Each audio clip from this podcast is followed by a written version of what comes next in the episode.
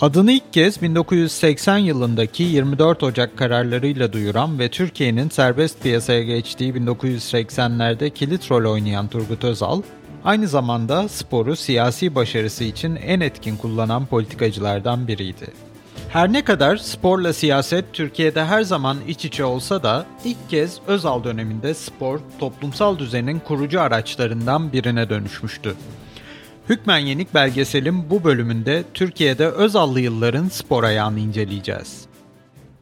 Hayırlı akşamlar değerli vatandaşlarım. Frekati. Frekati vuruyor ve gol ve gol ve gol ve gol. Cumhurbaşkanı Günden Evren adına Başbakan Turgut Özal Cumhurbaşkanlığı kupasını Galatasaray takımına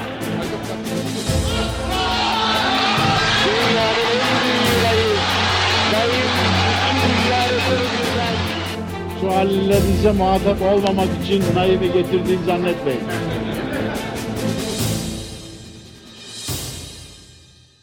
...1970'lerin sonu, Türkiye tarihinin en bunalımlı dönemlerinden birini yaşıyor. 12 Mart 1971 muhtırası sonrası tamamen çözümsüzlüğe saplanan kurumsal siyaset birbiri ardına dağılan koalisyonlara sahne olmaktadır. 1973 yılında Arap-İsrail çatışmalarına bağlı olarak yaşanan küresel petrol krizi, Türkiye'nin sallanmakta olan ekonomisini daha da çıkmaza sokarken, 1974'te Türkiye ordusunun Kıbrıs'ın bir bölümünü işgal etmesi ülkeyi dünyada da yalnızlaştırmıştı. Giderek büyüyen döviz açığı ve dış borçlanma ülkeyi darboğaza sokarken kurumsal siyasetin çözümsüzlüğü sendikal ve sol hareketlerin yükselişini hızlandırıyordu.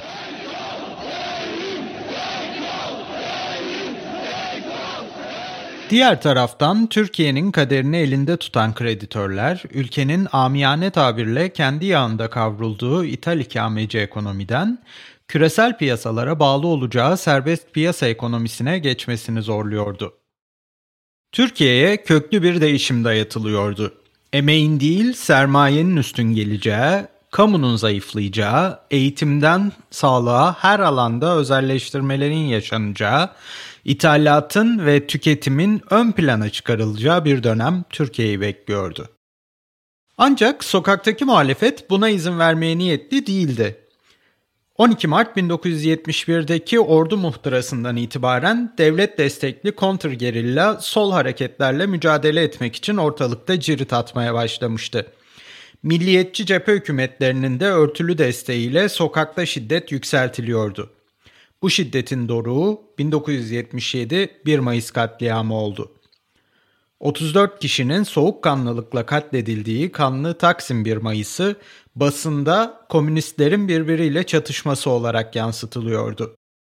1 Mayıs 1977'yi sendikacılara, entelektüellere düzenlenen suikastler ve 1980 Temmuz'unda Fatsa'daki öz yönetime yapılan nokta operasyonu izleyecekti. Ülkenin alacaklıları tarafından sokulmak istendiği yolun dışındaki her ihtimal zorbalıkla bastırılıyordu. Bu koşullar altında 1979 yılında Türkiye'ye ekonomik rejim değişikliğini dayatan kurumlardan Dünya Bankası'nın eski bir çalışanı Başbakan Süleyman Demirel tarafından müsteşarlığa atandı. Turgut Özal, ülkenin serbest piyasaya geçişinin yol haritasını hazırlayacaktı. 24 Ocak 1980 tarihinde bu yol haritasını kamuoyuna açıkladı. 24 Ocak kararlarıyla devletin ekonomideki payı küçültülüyor, üretime sağlanan destekler kaldırılıyor, ithalat serbestleştiriliyordu. İthalat yerine üretimi ön plana alan ithal ikameci ekonomik model resmen terk edilmişti. Ancak rejim değişikliğinin önündeki sokak engelini de kaldırmak gerekiyordu. 12 Eylül 1980'de o engel kaldırıldı. Milli Güvenlik Konseyi'nin bir numaralı bildirisi. Yüce Türk Milleti. Büyük Atatürk'ün bize emanet ettiği, ülkesi ve milletiyle bir bütün olan Türkiye Cumhuriyeti Devleti, son yıllarda izlediğiniz gibi dış ve iç düşmanların tahrikiyle, varlığına, rejimine ve bağımsızlığına yönelik fikri ve fiziki haince saldırılar içindedir.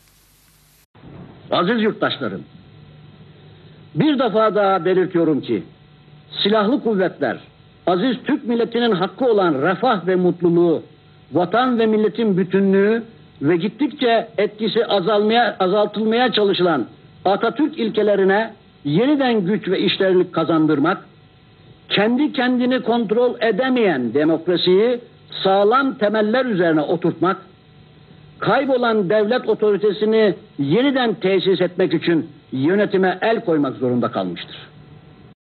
12 Eylül darbesiyle 1970'lere damgasını vuran sendikalar ve sokak hareketleri bitirilmiş, önderleri işkencehanelere götürülmüştü.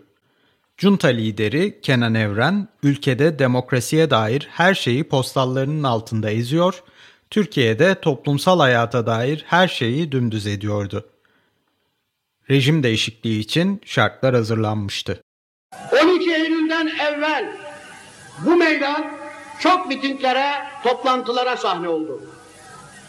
Bugünkü gibi her taraf Türk bayraklarıyla donatılacağına kızıl bayraklarla donatıldı.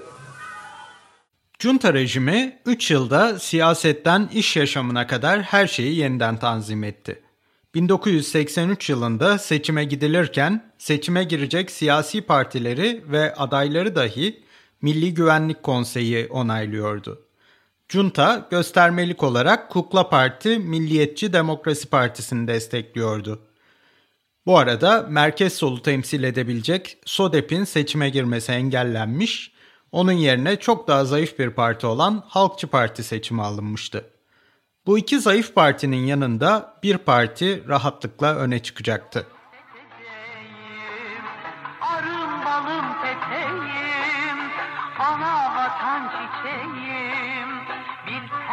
Öleceğim, yine onu seçeceğim.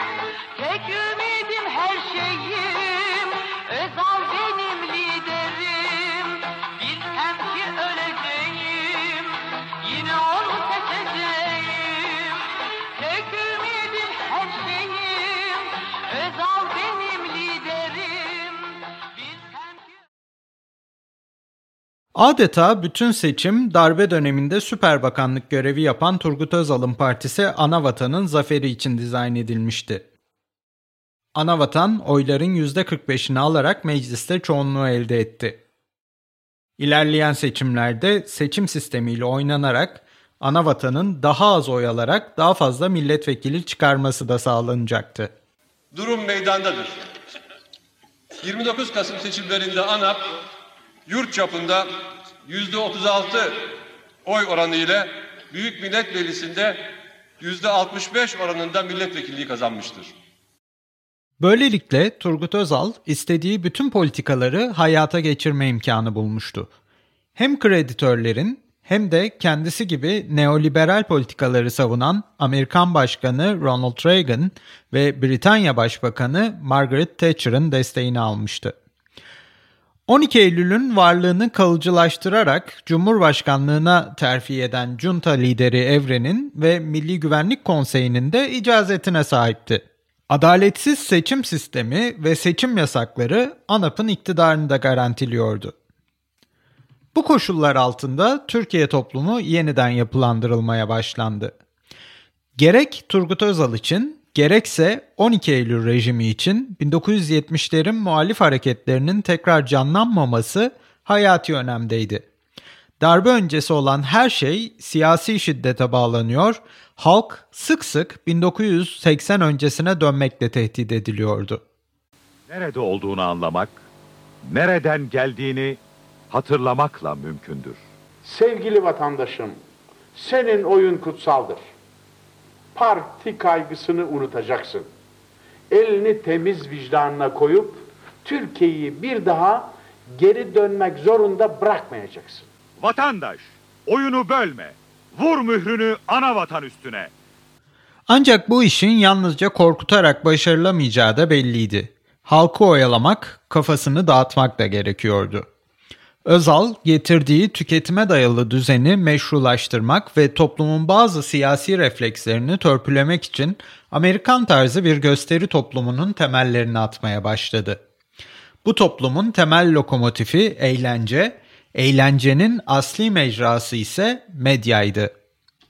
Özal bu yolda devletin tek kanallı televizyonu TRT'yi de kendi malıymış gibi kullanmaktan hiç çekinmiyordu. Taraf yapılmış Semra abi bak. Her taraf güzel, imar edilmiş. Yollar, yapılar. Şehrin şehrin görüntüsü değişti. Ama sadece İstanbul'da değil tabii. Bütün Türkiye'nin her yerinde değişikliği görüyorsun. Gayet güzel. Allah razı olsun yapanlardan. Hadi bir kaset koy da şöyle bir neşelenelim Semra abi.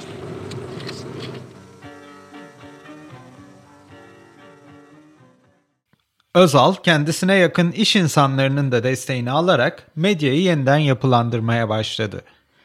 Büyük medya grupları yeni anlayış içerisinde destekleniyordu. Bu dönemde üç büyük ana akım gazete Hürriyet, Milliyet ve Sabah büyük bir modernizasyona girdi. Matbaalar yenileniyor, en yeni teknolojik gereçler alınıyordu. Sonuç daha az eleştirel, çok daha renkli bir basın oldu. Boyalı basın tabirinin yaygınlaştığı yıllardı bunlar. New York, Türkiye saatiyle 16.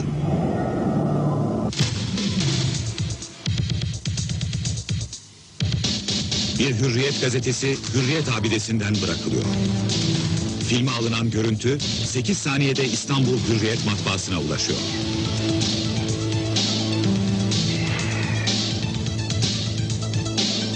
İki dakikada baskıya hazırlanan haber için 17 ülkedeki hürriyet bürolarıyla bağlantılar kuruluyor.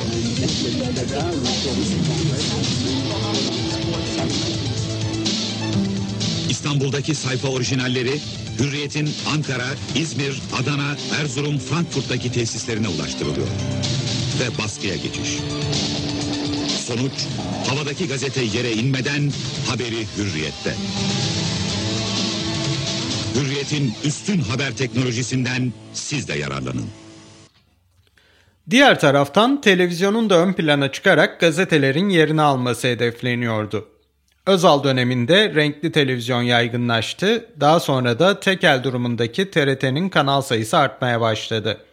1970'lerde yerli yapımlarla yürüyen TRT artık Amerikan dizilerinden geçilmiyordu. Ancak TRT Özalcılığın hayalindeki gösteri toplumu için hala fazla bürokratik ve hantal kalıyordu. Bu soruna çözüm Özal'ın siyaset sahnesindeki gücünün azalmaya başladığı dönemde bulundu.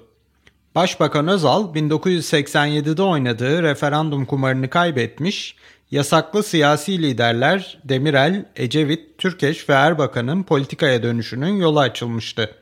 Bu liderleri hazırlıksız yakalamak için yerel seçimleri bir yıl öne çekmeye çalışmış ancak hem bunu başaramamış hem de 1989 yerel seçimlerinde ANAP'ın, İnönü'nün SHP'si ve Demirel'in DYP'sinin ardından 3. parti olmasına engel olamamıştı. Siyaset sahnesinden silinmeye doğru giden Özal, çareyi aynı yıl Evren'in yerine Cumhurbaşkanlığına geçmekte bulmuş, yerine de sıklıkla fıkra konusu olan ve kukla başbakan olarak görülen Yıldırım Akbulut'u bırakmıştı. ANAP halk desteğini kaybetmişti. Ama hem Cumhurbaşkanlığı hem de Başbakanlık Özal'ın komutasındaydı. Bugünlerde özellikle medya dünyası önemli bir haberle sarsıldı. İki iş insanı TRT'nin yasayla belirlenmiş tekelini alenen çiğniyor ve Avrupa'dan uydu yayınlarıyla Türkiye'ye özel televizyonu getiriyordu. Bu iki iş insanından biri Cem Uzan, diğeri ise Ahmet Özal'dı. Yani Cumhurbaşkanı Turgut Özal'ın öz oğlu. Merhaba. Merhaba. İlk özel televizyon Star 1'den de merhaba. Çok yakında Star 1 rengarenk bir dünya getirmeye hazırlanıyor evlerinize. Medya zaman zaman illegal taktiklere de başvurularak yeniden dizayn edilirken topluma pompalanan eğlencenin en önemli araçlarından biri kuşkusuz spordu. Tek derdi daha fazla izleyici kazanmak olan medya umudunu futbola bağlamıştı. Tan, sarı kanaryaların bez bebeklerini veriyor. Rıdvan, Şumaher, Oğuz, Aykut, Hakan. Fenerbahçe bez bebeklerini dikin onları evinizde ağırlayın. Fenerli bez bebekler bu pazar Tan'la bedava. Ahmet Özal'ın kanalı Star'ın girişiyle futbol dünyası tepe taklak olmuştu. TRT'nin yayın tekeli yıkılmıştı. Hatta kulüplerle bir bir anlaşan Star, devletin PTT'sini kullanarak korsan yayın yapmaya başlamıştı. Bu sırada devletin polisi devletin TRT'sini stadyumdan atıyordu. Kanunlar Özal ailesine farklı işliyordu.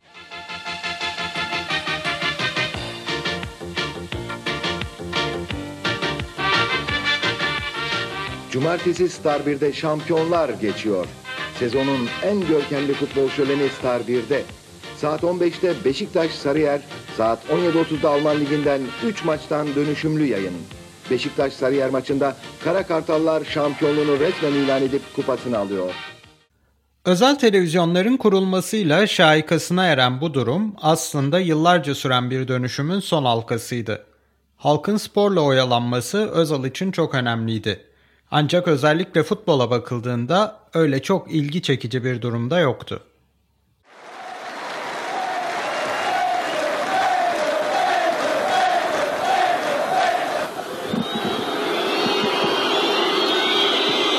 Yaşar geçmiş olsun. Konuşmak şey istemez misin? Hayır. 8 tane gol biraz ağır ezimet oldu değil mi? Konuşmak istemiyorum lütfen. Peki. 1970'lerin sonunda üç büyükler borç içinde yüzüyor. Döviz açığı nedeniyle konulan yabancı yasakları Türkiye'nin iyice içine kapanmasına neden oluyordu. Milli takım averaj takımına dönüşmüştü. 1980'lerde çok iyi başlamamıştı. İngiltere karşısında 1984 ve 87'de alınan 2-8-0'lık yenilgi bu dönemin simgesi olmuştu. Futbola dair tek heyecan verici durum mevcut koşullarda düzgün bir öz kaynak düzeni kurarak kendi bünyesinden çıkardığı oyuncularla bir deve dönüşen Trabzonspor'du. İlerleyen zamanda Beşiktaş da benzer bir uygulamaya gitti. Süleyman Seba'nın yönetimi ve Serpil Hamdi Tüzün'ün vizyonerliğiyle zafere ulaşan bir öz kaynak düzeni kurdu. Neoliberalleşen Özal Türkiye'sinin ilk yıllarında İthal ikametçi Trabzon ve Beşiktaş ironik bir şekilde öne çıkıyordu. Beşiktaş öz kaynak hocası Serpil Hamdi Tüzün 11 yaşındaki Sergen'e bir ödev vermişti. Sergen her gün farklı gol pozisyonları hayal edip bunları defterine geçirecekti.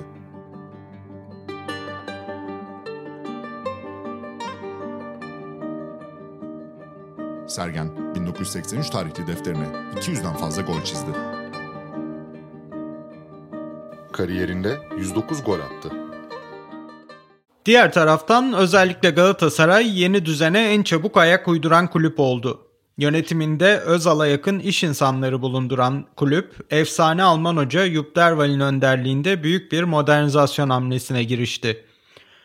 Derwal'in milli takımın danışmanı olması da planlanmıştı. Bu arada Mirsat Kovacevic transferindeki hülle gibi tartışmalı uygulamalara da göz yumuluyor. Galatasaray adeta Özal'ın kafasındaki Türkiye futbolu için bir pilot kulüp muamelesi görüyordu. Bu proje istenen sonucu da vermişti. Derval'in öğrencisi Mustafa Denizli yönetimindeki Galatasaray 1988-89 sezonunda Türkiye tarihinde görülmemiş bir başarıya ulaşmış ve Avrupa Şampiyon Kulüpler Kupası'nda yarı finale kadar yükselmişti. Frekasi vuruyor ve gol ve gol ve gol ve gol! İşte gol, işte gol! Bravo Frekasi, bravo Frekasi! Galatasaray 1, Monaco 0. Muhteşem bir gol, muhteşem bir vuruş. Aynı şekilde milli takım da yükselişteydi. 1990'da Tınas Tırpan yönetimindeki milli takım Dünya Kupası'nın eşiğinden dönmüştü. İlerleyen dönemde futbolda Avrupa'da elde edilen başarılar Türkiye'nin Kıbrıs işgali ve darbe nedeniyle uluslararası kamuoyundan dışlanmasına da panzehir olacak, futbol üzerinden yeni bir milliyetçilik dalgası kabaracaktı.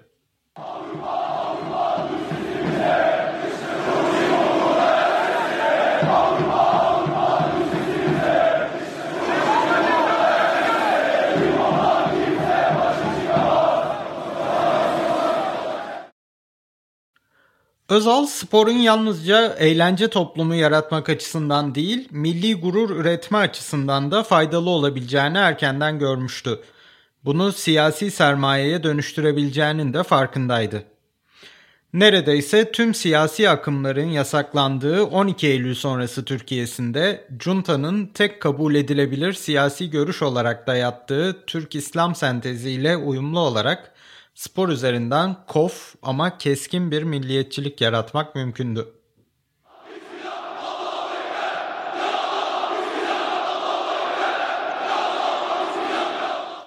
Özal döneminde bunun en net fırsatlarından bir tanesi 1987'de yaşandı.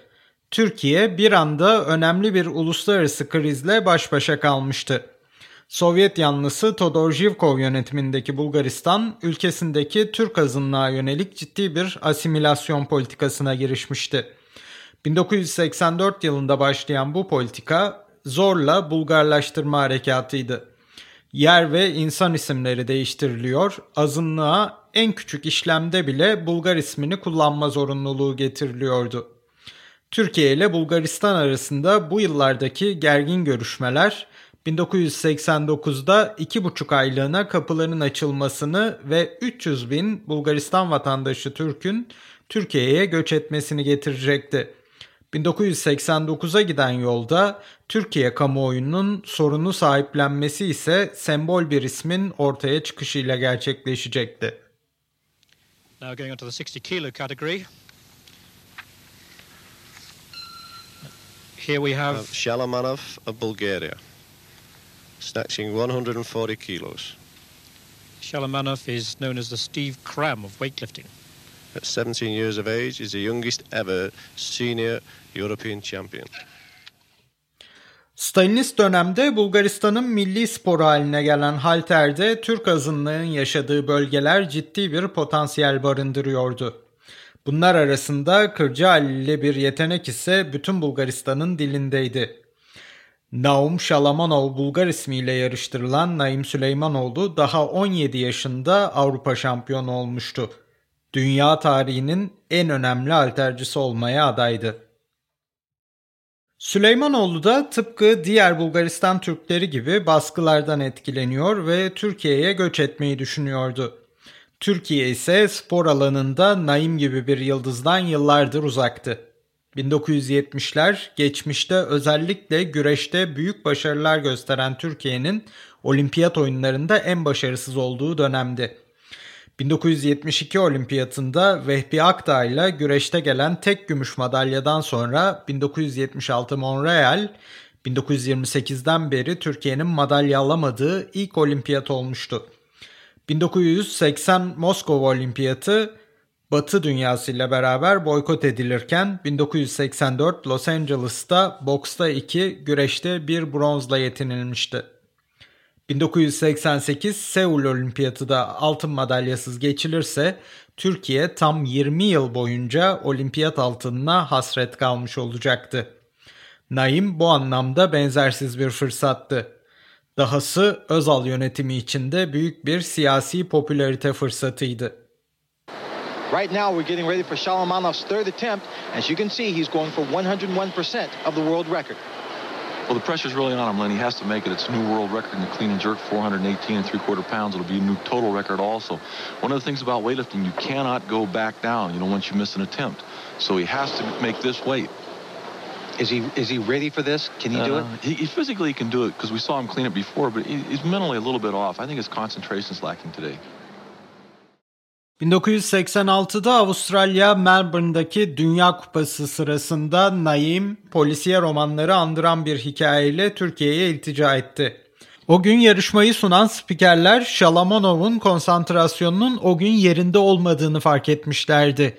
Naum Şalamonov dünya rekoru denemesinde de başarısız olmuştu. Bunun bir nedeni vardı. Yarışma sonrasında bir fırsatını bulup Bulgaristan kampından kaçan sporcu önce bir camiye daha sonra bir kahvehaneye geçmiş. Oradan da bir eve yerleştirilip Türkiye Büyükelçiliği ile temas kurulmuştu. Turgut Özal'ın emriyle Avustralya'dan Londra'ya götürülmüş, oradan da özel uçakla İstanbul'a, daha sonra da Ankara'ya getirilmişti. Bu esnada büyük gazetelerin o Özal'ın destekleriyle aldığı rotatifleri çalışıyor, Naim'in dev fotoğraflarıyla olay siyasi bir şova dönüşüyordu. Süleymanoğlu Türkiye'ye indiğinde Turgut Özal yanından bir an bile ayrılmıyordu. Adımı değiştirdiler iki yıl. Yani...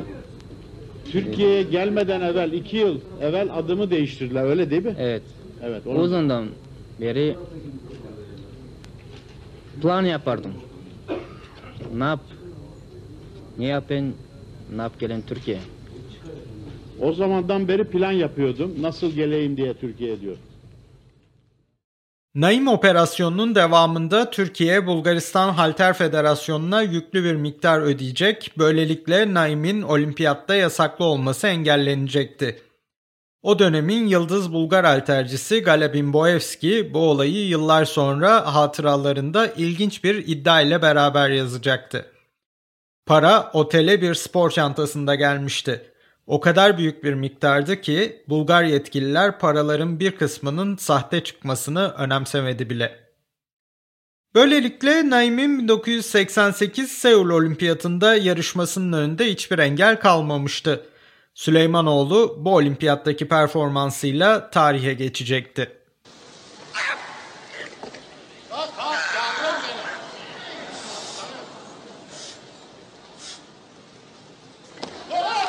İnanılmaz bir şey.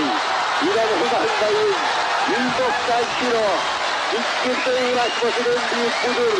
Hiç kimse yetişmeye uğraşmasın. İnanılmaz bir rekor. Naim Süleymanoğlu gerçekten dünyanın en büyüğü. 142,5 kilo toplamda. Hayret dolu bakışlarla. Evet hayret dolu bakışlar. 142,5 kiloyla toplamda bir dünya rekoru daha kırıyor. Gerek Galatasaray'ın Avrupa Şampiyon Kulüpler Kupası macerasına giden yol, gerekse Naim'in Türkiye'ye getirilişi başarıyla sonuçlanmış. Böylelikle Özalcılığın yöntemleri spor dünyasında bir kanon özelliği kazanmıştı. Bundan sonraki yıllar tamamen bu prensiplerle belirlenecekti. Milliyetçilik ve neoliberalizm kol kola girecek, milli gurur üzerinden kabartılan spor pahalıya satılan bir metaya dönüşecekti. Dünya sporundaki neoliberalleşme de bu dönüşüme son derece uygun koşullar sunacaktı. Sonuç olarak Özal'ın kendisi bu dünyadan gidecekti. Ama hayal ettiği düzenin yarattığı spor hala bizimle. Hükmen Yenik belgeseli dinlediniz. Bir başka bölümde bir başka konuyla tekrar karşınızda olacağız. Ben Dahan Irak. Hoşçakalın. Hepinizle yeniden buluşmak ve milletime daha fazla hizmet etmek umuduyla elveda diyorum. Elveda benim değerli vatandaşlarım. Özal her akşam televizyona çıkıyor ama hep söyledikleri aynı şeyler hep yalanlar. Yani yalanlarla artık doyduk. Her gün televizyon, her gün televizyon. Bıkıyoruz yani. Vallahi bıkıyoruz. Zaten siyah beyaz bir tele- televizyonumuz var. Onu da kapatacağım yani.